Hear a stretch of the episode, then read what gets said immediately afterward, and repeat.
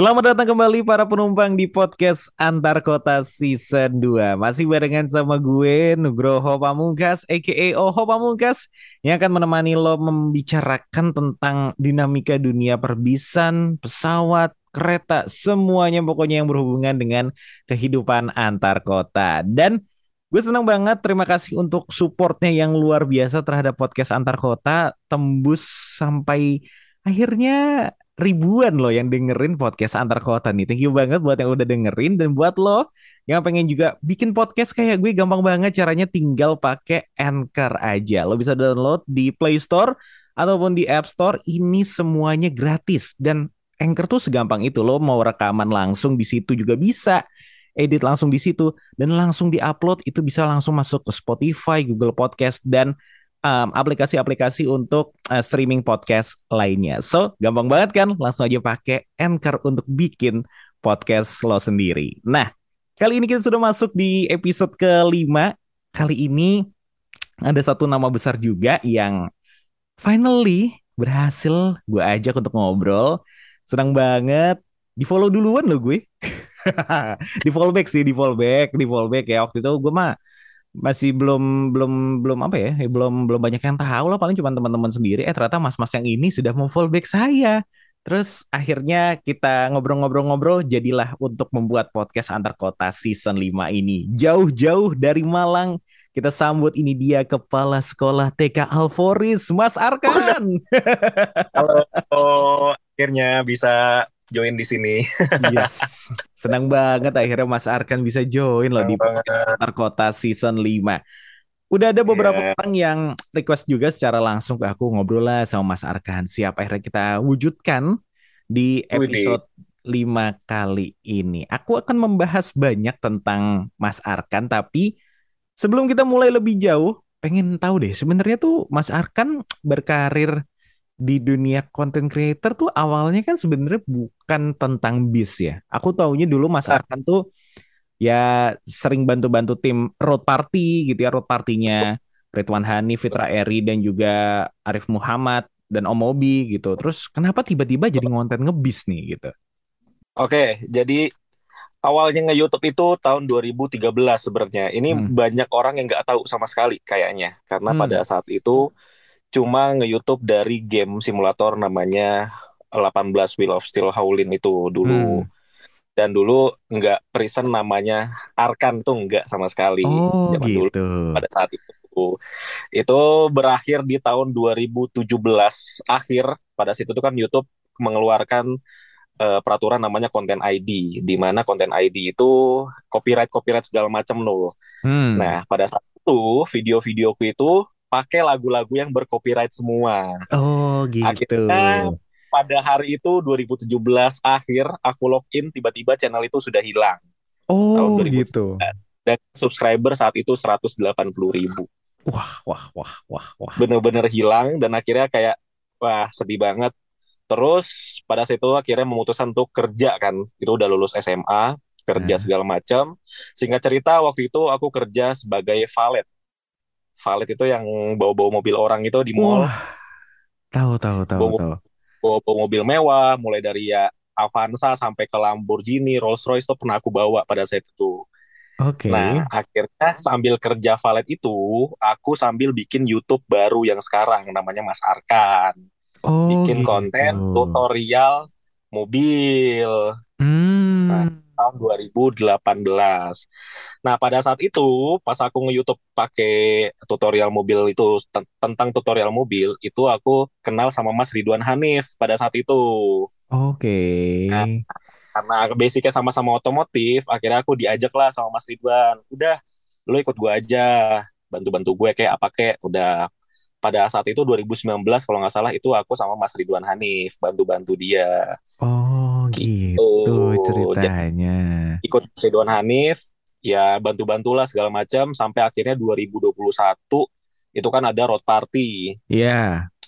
2020 sorry 2020 tuh road party season pertama yang Jimny itu. Mm, itu Jimny aku challenge diajak, ya. Jimny challenge itu aku diajak terus lanjut lagi ke Cabrio challenge. Cabrio ini yang agak agak uh, kesannya luar biasa buat aku karena di situ aku posisinya asisten produser. Uh. Jadi hampir Cabrio Challenge itu mulai dari challenge-nya, tempatnya, segala macam itu kami berdua yang apa setting semuanya. Cuma dua orang itu kepalanya.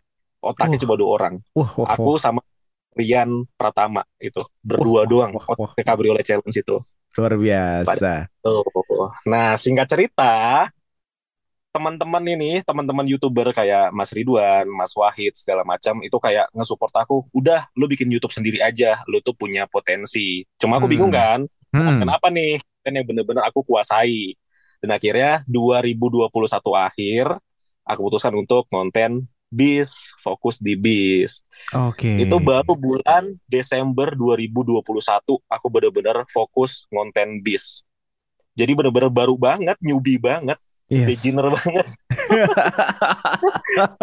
aku juga kaget ternyata orang menerima kontenku gitu loh.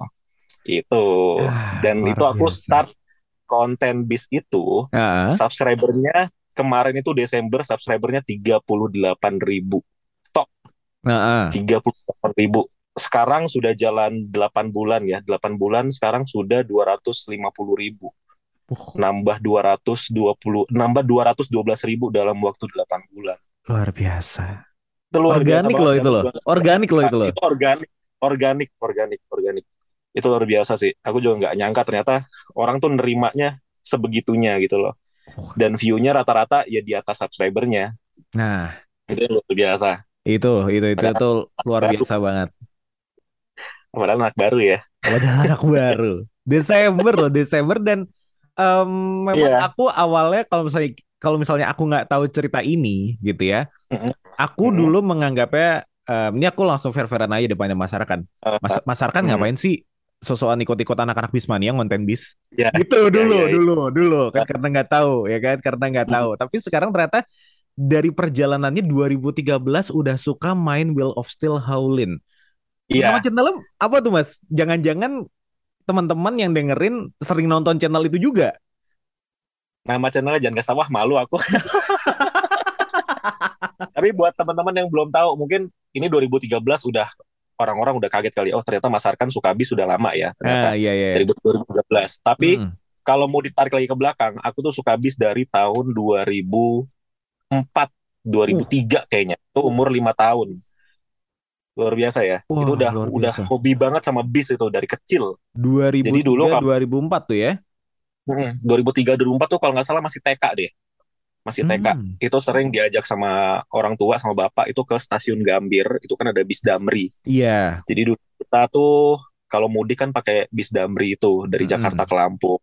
Jadi pas uh, bapak pulang kerja gitu, itu aku sering diajak ke stasiun Gambir itu buat ngeliat bis Damri. Oh gitu. Itu dulu masih pakai bodinya Restu Ibu Scania tuh, masih Wah, ada iya. moncongnya. Gitu.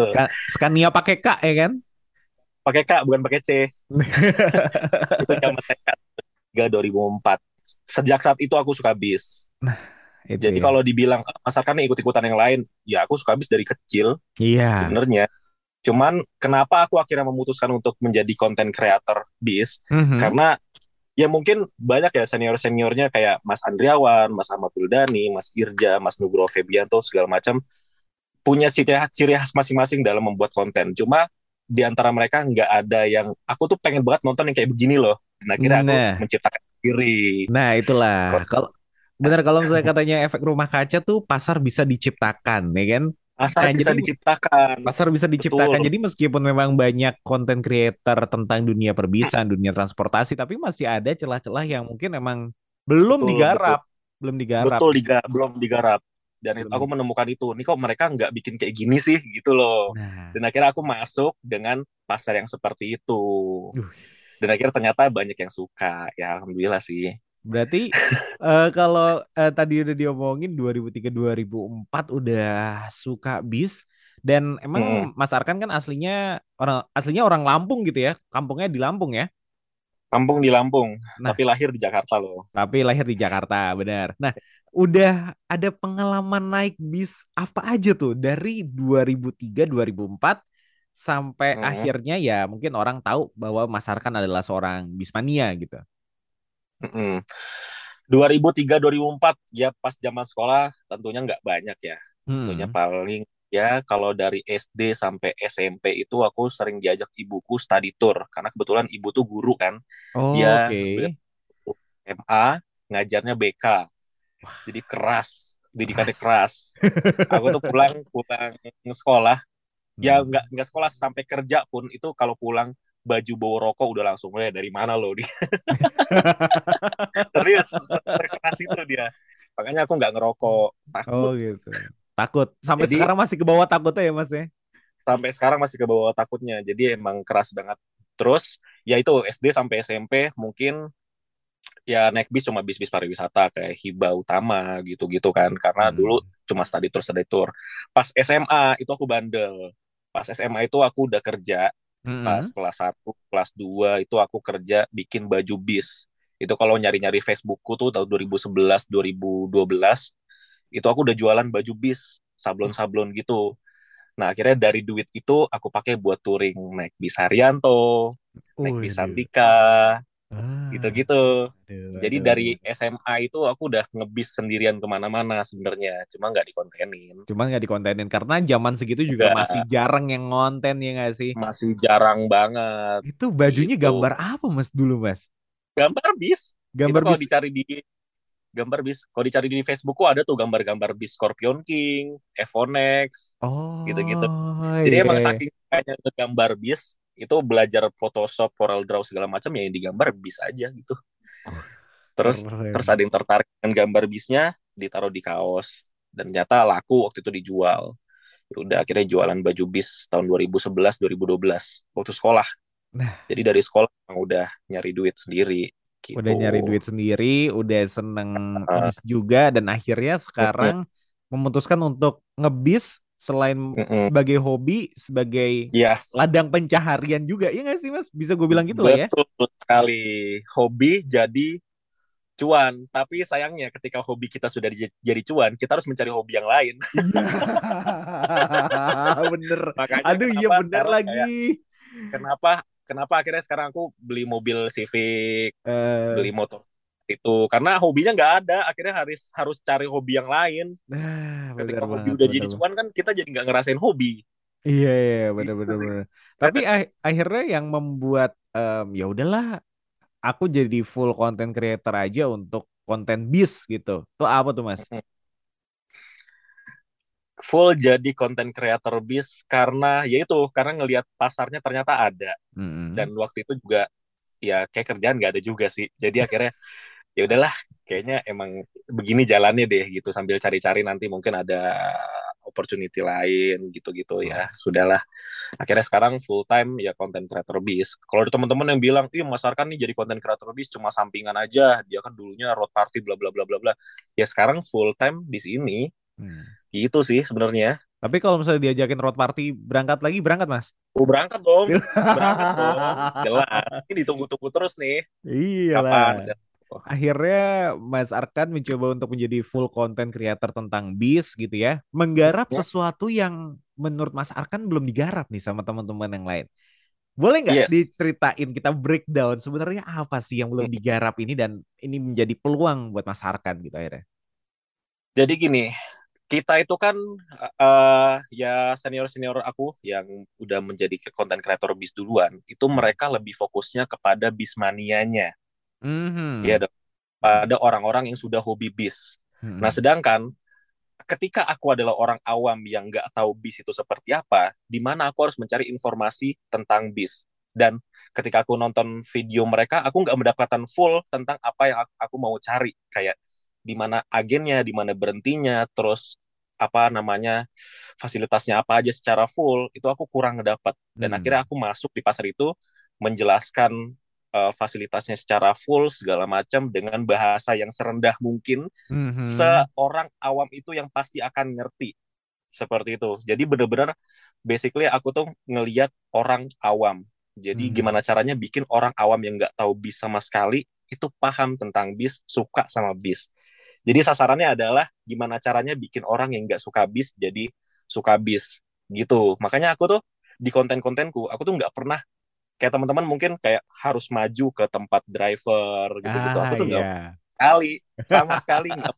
mungkin dari 20 video cuma satu aja itu juga karena drivernya kenal aku atau pengen ngobrol segala macam itu baru aku ke depan kalau enggak yeah. mah aku nggak pernah ke depan karena aku melihatnya dari sisi penumpang pure jadi dari yes. sisi orang awam yes, gitu yes, yes, yes. kurang dapat di teman-teman gitu yang kemarin. Jadi aku wah kayaknya bisa nih masuk di pasar yang benar-benar jadi orang awam gitu. Hmm. di pasar orang tuh nggak tahu bis sama sekali gitu. Yeah. dan iya. akhirnya ya seperti itu. Ya ya ya bener-bener POV orang. Awam gue pengen naik bis deh. Gue gue tuh sering denger tentang sleeper sleeper sleeper Jakarta nah. Jakarta Malang. Itu yang kayak gimana yeah. sih nah dan ini masarkan menggarap lah pasar-pasar itu ya. Iya aku jadi aku tuh fokusku bukan ke teman-teman bismania jadi ke orang-orang yang nggak ngerti bis. Nah gitu. benar. Jadi makanya kalau misalnya teman-teman lihat gitu ya di YouTube-nya Mas Arkan gue akhirnya juga sadar sih kenapa memilih hal itu. Gue awalnya bingung kenapa videonya Mas Arkan itu yang bener-bener on board trip ya kayak bisnya mm -hmm. jalan dari start awal terus sampai mana itu misalnya di part 1 itu tuh cuma 30 persen Iya, memang. persennya tuh memperkenalkan bis, agennya, fasilitas segala macam. Sampai eh sampai gue eh. cari-cari ini kapan jalannya gitu. Ternyata ya memang nah, ya itu, itu yang mas. dicari ya. Iya, jadi pasarnya itu memang bukan pasar untuk teman-teman yang udah hobi jalan, bukan. Yeah. Jadi pasarnya adalah buat mereka yang nggak ngerti bis sama sekali hmm. gitu. Dan kenapa aku masuk di pasar itu? Karena ya pengalamanku di Mas Ridwan Hanif gitu kan, beliau itu reviewer mobil. Di mana hmm. ketika kita mereview sesuatu secara detail, itu orang nggak akan skip videonya sampai akhir. Itulah kenapa hmm. uh, watching timeku atau jam tayangku tuh tinggi banget. Hmm. Mungkin teman-teman ada yang watching time-nya dalam video 30 menit, watching time-nya cuma rata-rata 2 menit, 3 yeah. menit tuh time-nya. Aku watching time-nya di atas 17 menit jadi delapan kali lipat gitu dari yang lain. Karena aku biasanya video awal video part satu tuh full nge-review. Dan ketika aku nge-review tuh orang biasanya nggak bakal skip. Karena di situ iya. aku ngocehnya nggak habis. Iya. Sampai sampai dibilang pak dosen lah. Apa iya sampai dibilang pak dosen. Pak dosen TK Alpori sedang menjelaskan, mari kita dengarkan. Iya, gitu benar sekali. tapi tapi iya ya, apa emang emang itulah tipikal Mas Arkan gitu ya. Maksudnya lo nggak yeah. akan bisa menemukan ya ada lah tapi sedikit. Cuman lo ada. jarang lah menemukan video bis lagi dalam tanda kutip balapan. Terus juga mm -hmm. uh, ya tempel-tempel dorong-dorong bis lainnya kayaknya nggak ada deh. Itu karena dari awal aku konsep bikin YouTube ini uh. gimana caranya bis ini derajatnya diangkat. Karena yeah. sekarang kan uh, infrastruktur segala macam sudah mendukung kayak tol Trans Jawa, dari Jakarta dari Merak udah sampai Probolinggo. Hmm. itu kan hmm. tolnya udah luar biasa bagus banget. Terus juga kita harus ngimbangin gimana caranya bis ini dilihat menjadi suatu transportasi yang bagus transportasi yang nyaman transportasi yang gak ugal-ugalan yang hospitality dari krunya tuh bagus. Nah itu yang aku tunjukin. Jadi ya oke okay ya aku naik bis yang ugal-ugalan tapi di YouTubeku aku nggak bakal nunjukin itu gitu loh. Hmm. jadi gimana caranya? Bis itu sekarang harus terlihat bagus. Orang tuh harus uh, punya trust terhadap bis itu yang aku bangun nah, seperti itu itu dia itu yang mungkin masih belum banyak orang yang sadar gitu ya tapi ya belum mas, belum Mas Arkan sudah sudah sudah menggarap itu dan semoga aja makin banyak orang-orang yang memang beneran tertarik naik bis. Iya. Gitu ya. Yes. Karena kemarin aku kan sering banget nih Mas. Uh, terakhir hmm. aku ngonten bisnya Juragan 99 Trans itu kan luar biasa yes. ya. Harganya mahal banget. Yeah. Dan kemarin di terminal Pondok Pinang itu ada penumpangnya yang datang ke terminal Pondok Pinang pakai taksi Alphard. Dan dia bilang sama drivernya, ini aku tahu bis ini dari Mas Arkan loh. Bayangin loh, dia itu penumpang pesawat, dari pesawat dia turun naik taksi Alphard, terus naik bis switchingnya dari pesawat ke bis. Kan berarti orang-orang begitulah orang-orang yang nontonin videoku gitu loh. Nah, betul. betul bahkan kalau dia dari pesawat ke bis dia melewatkan satu tire tuh ya kan, kereta nggak iya, dipikir sama dia, dia langsung pindah ke bis ya. Ke bis. Makanya kenapa aku bangun image bis tuh bagus. Nah, buat ngincer orang-orang yang seperti itu, orang-orang yang dulu nggak percaya terhadap bis, sekarang bisa percaya sama bis. Hmm. Itu yang aku bangun gitu. Itu dia. Dan kayaknya sudah cukup berhasil ya Mas Arkan melakukan hal itu. Dan Alhamdulillah. Sudah mulai stabil YouTube-nya, kontennya segala macam. Akhirnya Mas Arkan membuat satu keputusan yang cukup bikin bingung banyak orang di 2022 ini untuk pindah ke kota Apple alias Malang. Oke. Okay. Banyak kita pengen tahu nih, kita pengen tahu kenapa akhirnya memutuskan untuk pindah ke Malang. Kirain tuh awal-awal cuman kayak ya udahlah paling cuma lihat rilisan bis baru segala macam. Lah tiba-tiba motornya dibawa, lah Genzo dibawa. Jadi gini Mas, Jakarta itu kan ya namanya aku lahir ya 24 tahun hidup di Jakarta kayaknya udah sumpek banget ya. Terus hmm. juga sekarang macetnya udah luar biasa banget, udah kayak macetnya tuh bener-bener 24 hampir 24 jam itu macet dan hmm. Parah macetnya gitu loh. Terus kedua ganjil genapnya sekarang sudah sampai 26 ruas plus ditambah sekarang tol juga ganjil genap. Ya udah ketika kita bukan di tanggalnya plat nomor kita ya kita nggak bisa ke mana-mana.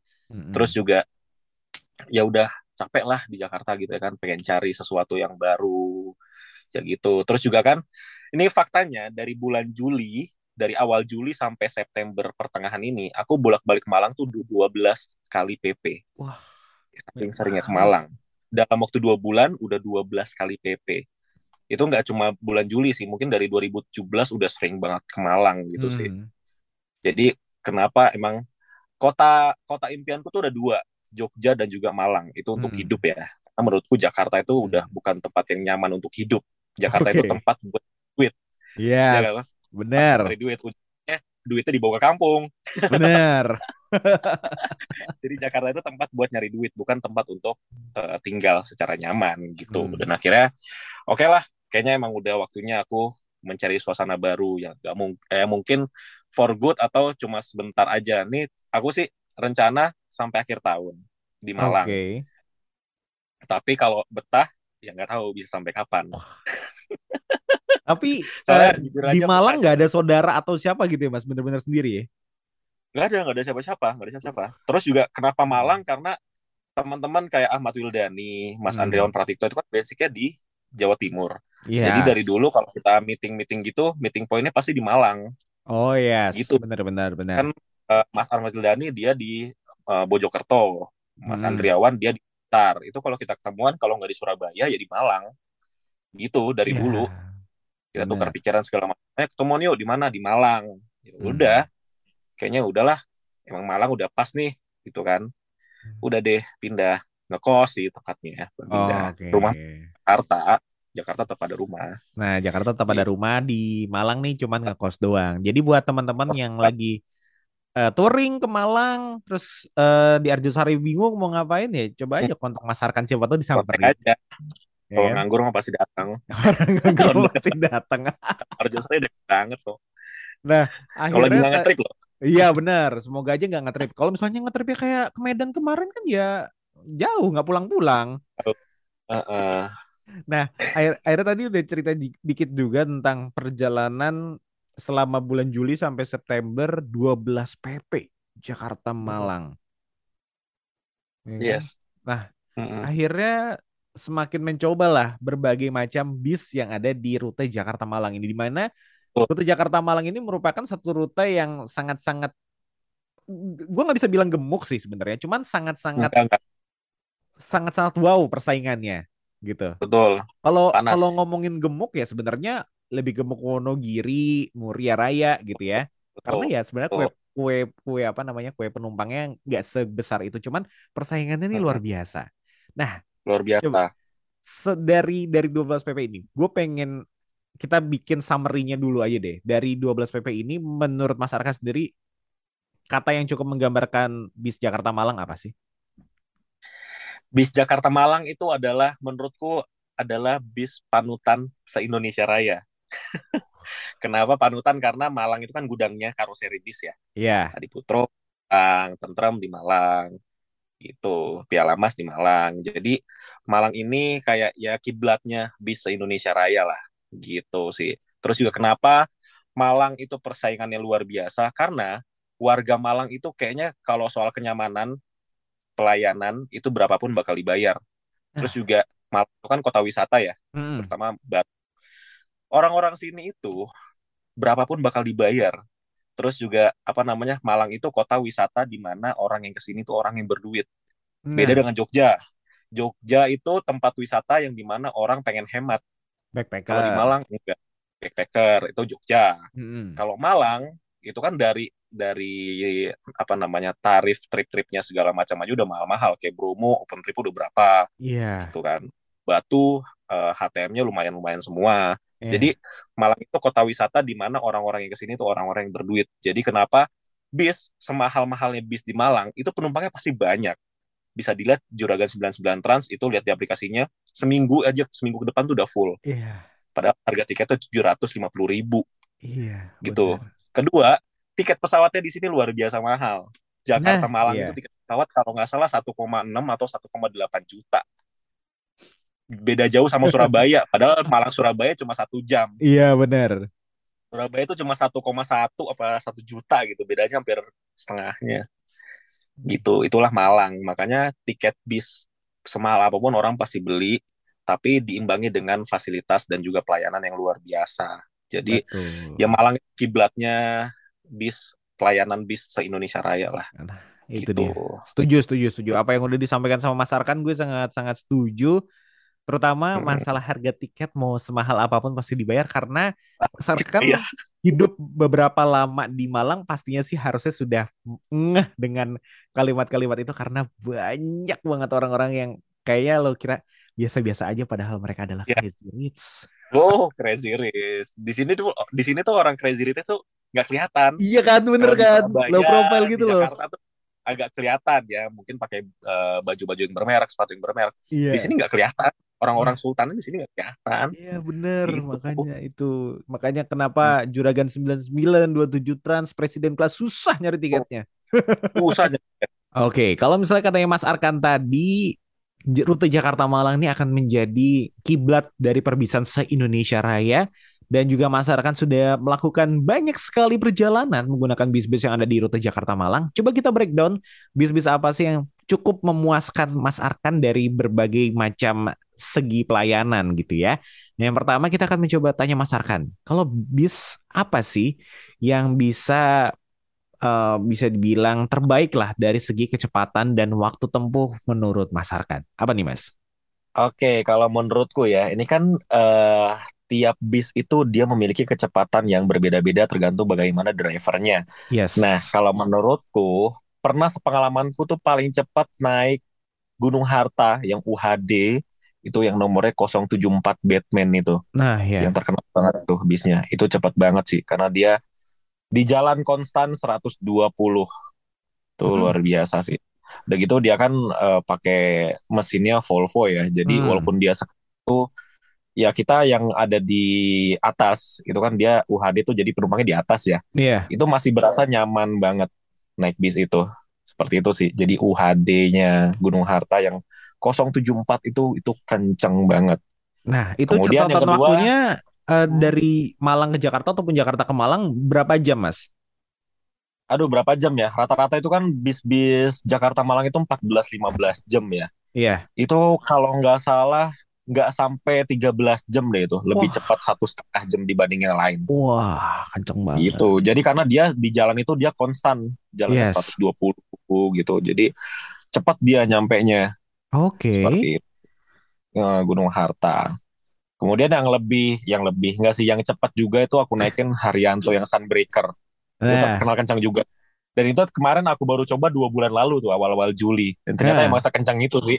Oh iya, oh iya berarti dari sekian lama uh, Haryanto ngelen di Jakarta Malang baru kemarin nih dua bulan yang lalu Mas Arkan Baru ya? kemarin banget, iya baru kemarin dua bulan lalu itu. Karena gini, dari awal kan aku bikin YouTube itu selain aku menyasarnya orang-orang yang awam, hmm. itu aku juga bermainnya bis-bis yang high end.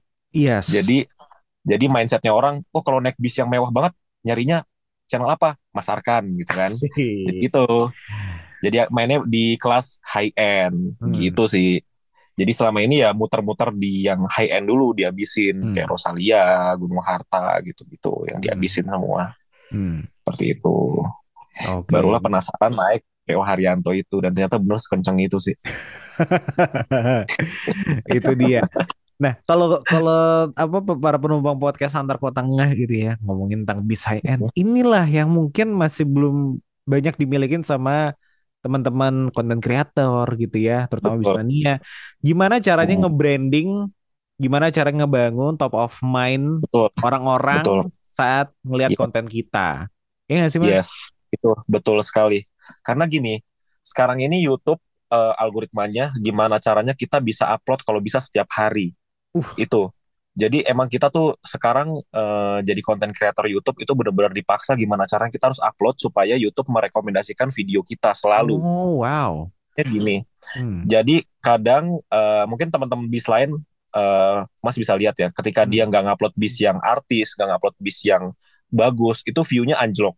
Oh iya. Nah, karena karena itu dia YouTube hmm. itu uh, dia merekomendasikan orang-orang yang upload tiap hari. Tapi untuk menyiasati itu, aku bikin personal branding seperti itu. Nah. Jadi walaupun aku upload yang enggak setiap hari kayak uh, ya let's say seminggu tiga kali doang gitu, tapi nah. viewku masih stabil karena personal branding tadi. Nah, jadi aku bikin YouTube ini emang nggak sembarang. Oke, okay, kita bikin YouTube video bis. Oke, okay, bikin. Iya. Tuh, tapi emang dari awal udah aku konsepkan. Oke, okay, gue mau kayak gini, bikin ini, ini, ini, ini, harus kayak gini, gini, gini, gini. Personal brandingnya kayak gini.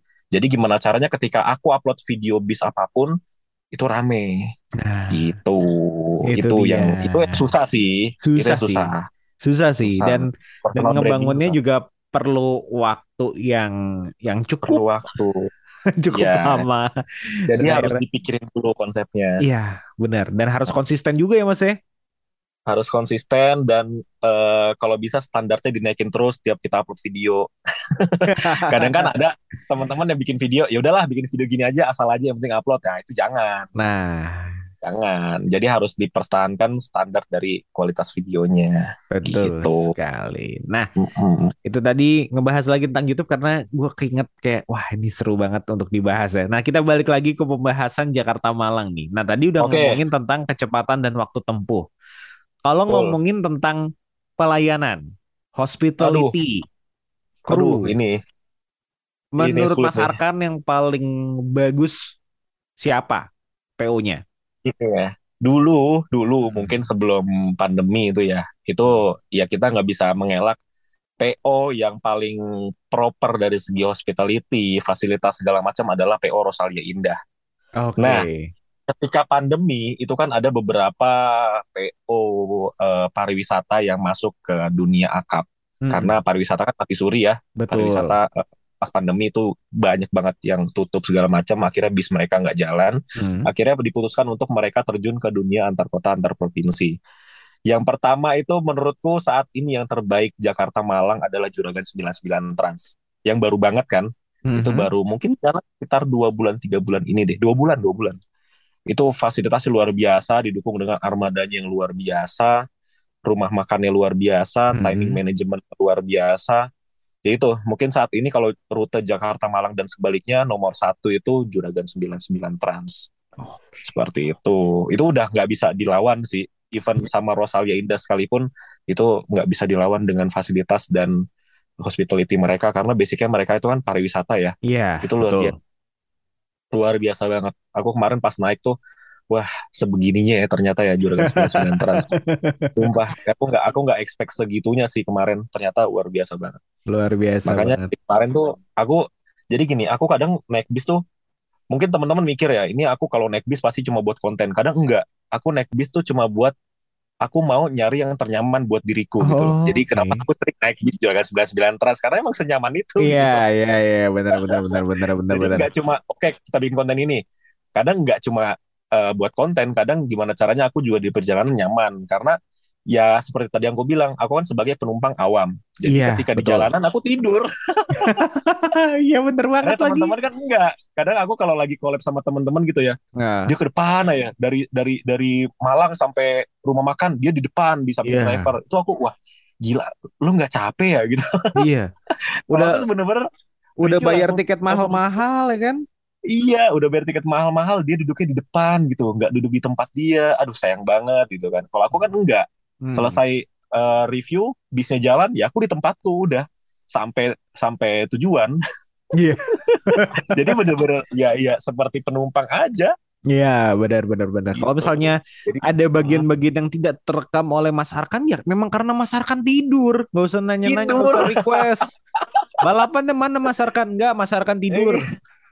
Iya itu kan sering juga tuh ada yang komen-komen kayak gitu ah ini perjalanan apa nih kayak gini kok di jalannya nggak ada nah itu berarti bukan nah, pasarku nah itu dia mohon maaf ente kadang-kadang gitu. suka request request subscribe kagak Uh, uh, subscribe enggak, request request, gini gini gini, ah, itulah namanya YouTube ya. ya Tapi gitu. yang jelas kan pasarku udah ada nah, gitu. Iya, ya. Jadi aku upload video gimana pun ya, udah ada pasarnya dan udah ada orang yang ngerti aku gitu. Jadi nah. ya udahlah. Betul. Komen satu dua klik pasti ada. Biarkan saja lah ya. Biarkan saja. Oke, kalau ngomongin tentang bis Jakarta Malang berarti sudah valid ya. Juragan 99 Trans yang saat ini Juragan 99 Semen, Trans sementara ini ya. Hmm. Sementara ini karena kan yang namanya dunia akap itu harus terus berinovasi dong. Hmm. Nggak mungkin gitu aja karena yeah. sekarang dunia tuh cepet banget tiap Betul. hari bisa berubah gitu kan. Yeah. Jadi pengusahanya juga harus improve setiap hari. Dan hmm. kita nggak tahu nih ya bulan ini sekarang Juragan 99 Trans yang terbaik ya bisa jadi nanti ketika 27 Trans lihat wah kita nggak bisa nih kalah sama dia nih. Ayo yeah. kita iya. lagi fasilitasnya. Ayo kita beli bis lagi yang baru. Ayo kita cari ini ini ini, ini yang lain gitu. Pasti ada kayak gitu kan. Iya betul gitu. betul betul. Kalau ngomongin kalo tentang improvement juga nih Mas, kan kalau Mas Arkan di dunia YouTube udah tahu nih oh kekurangannya teman-teman yang lain apa digarap sama hmm. Mas Arkan jadilah seperti ini. Nah, kalau misalnya dari menurut Mas Arkan sendiri dari PO-PO yang ada di Ma uh, rute Jakarta Malang ini yang belum hmm. digarap sama mereka satu hal yang mungkin masih miss yang menurut Mas Arkan nih kayaknya bikin ini bagus dan pasti akan laku. Menurut Mas Arkan apa? apa ya kalau aku ya sebenarnya rute Jakarta Malang ini menurutku kalau udah dari fasilitas segala macam kurangnya di terminal yang Malangnya aja sih. Oh, itu terminal iya sih. Malangnya kalau bangun kayak hmm. minimal minimal kayak terminal hmm. Tirto Nadi gitu ya. Hmm. Itu bakal lebih ngangkat lagi sih karena bis-bis yang masuk Malang tuh udah bis-bis high end semua. Hmm. Tapi ketika bisnya itu masuk ke terminal Arjosari, aduh itu kita berasa kayak lagi di mana gitu ya bisnya bagus tapi tempatnya yeah. kok begitu benar kayak lagi di tempat pengujian kendaraan gitu ya iya kayak lagi di tempat kir kan itu kalau terminal Arjosarinya bisa dibuat kayak minimal terminal Tirto Nadi gitu yang tertata rapi ada ruang tunggu yang bagus ber AC segala macam itu bakal perfect banget sih kalau dari PO PO-nya menurut lo sekarang udah maksimal lah 27 Trans, Jurgen 99, Rosalia itu udah dia udah melakukan yang terbaik saat inilah Oke. Okay. Nggak ada yang kurang dan masing-masing emang punya uh, ciri khas sendiri di pelayanan mereka. Ya kurangnya ya infrastrukturnya aja sih di terminalnya. Padahal itu terminal utamanya Malang ya. Iya iya, iya gitu. benar benar. Berarti ya. tinggal minusnya di ibaratnya tempat naik dan turun hmm. penumpang lah ya. Betul naik dan turun penumpang. Makanya di Surabaya pun karena terminal Bungurasinya sudah terlalu crowded, akhirnya mereka bikin yang namanya red bus lounge itu kan. Iya, betul. Buat tempat up point dan juga drop pointnya. Jadi ya. itu kan lebih proper, lebih nyaman, ada AC-nya, ada toilet yang bersih segala macam. Nah, pengennya di Malang tuh ada satu tempat yang seperti itu juga. Ya. Selain agen atau perwakilannya mereka ya. Itu bakal ya. perfect banget sih. Iya benar-benar gitu. benar dan dan sampai Perfect. sekarang hal itu yang bisa mengakomodir ya cuman si oren item 27 trans. Ya, 27 trans. Betul, itu kan dia di garasi awalnya dia kan. Iya benar. Itu luar biasa sih, makanya kenapa uh, mereka tuh ngumpulin semua penumpangnya ke garasinya itu baru ke bis masing-masing. Jadi buat tertransitnya di garasi utamanya itu. Iya, benar. Karena di situ tempat yang paling proper untuk ya naik turunin barang segala macam nggak ada yang ganggu ya. Kalau di terminal iya. kan pasti ada aja yang ganggu. Hmm. Gitu, karena terminal Arjosarinya ya kurang. Betul gitu. sekali. Nah, itu dialah ya. Jadi buat para penumpang podcast antar kota, kalau udah dengerin podcast ini silahkan langsung dicoba deh tuh perjalanan bis dari Jakarta Malang kalau misalnya emang belum sempat pernah nyobain gitu ya. At least kali setahun lah cobain rute Jakarta Malang karena se seseru itu, sebagus itu pelayanannya. Kan kalau misalnya touring ke Malang langsung pilih yang kelas tertinggi, jangan tanggung-tanggung pokoknya ya. Benar ya. Nah, itu Benar dia. sekali. Gak kerasa udah panjang sekali obrolan seru sama Mas Arkan kali ini oh, iya. dan kayaknya karena durasi juga kita harus selesai dulu sampai di sini. Semoga kita bisa ketemu lagi di episode-episode lainnya Mas Arkan membahas tentang hal-hal seru lainnya tentang dunia perbisan dan juga content creator ya. dan lain-lainnya.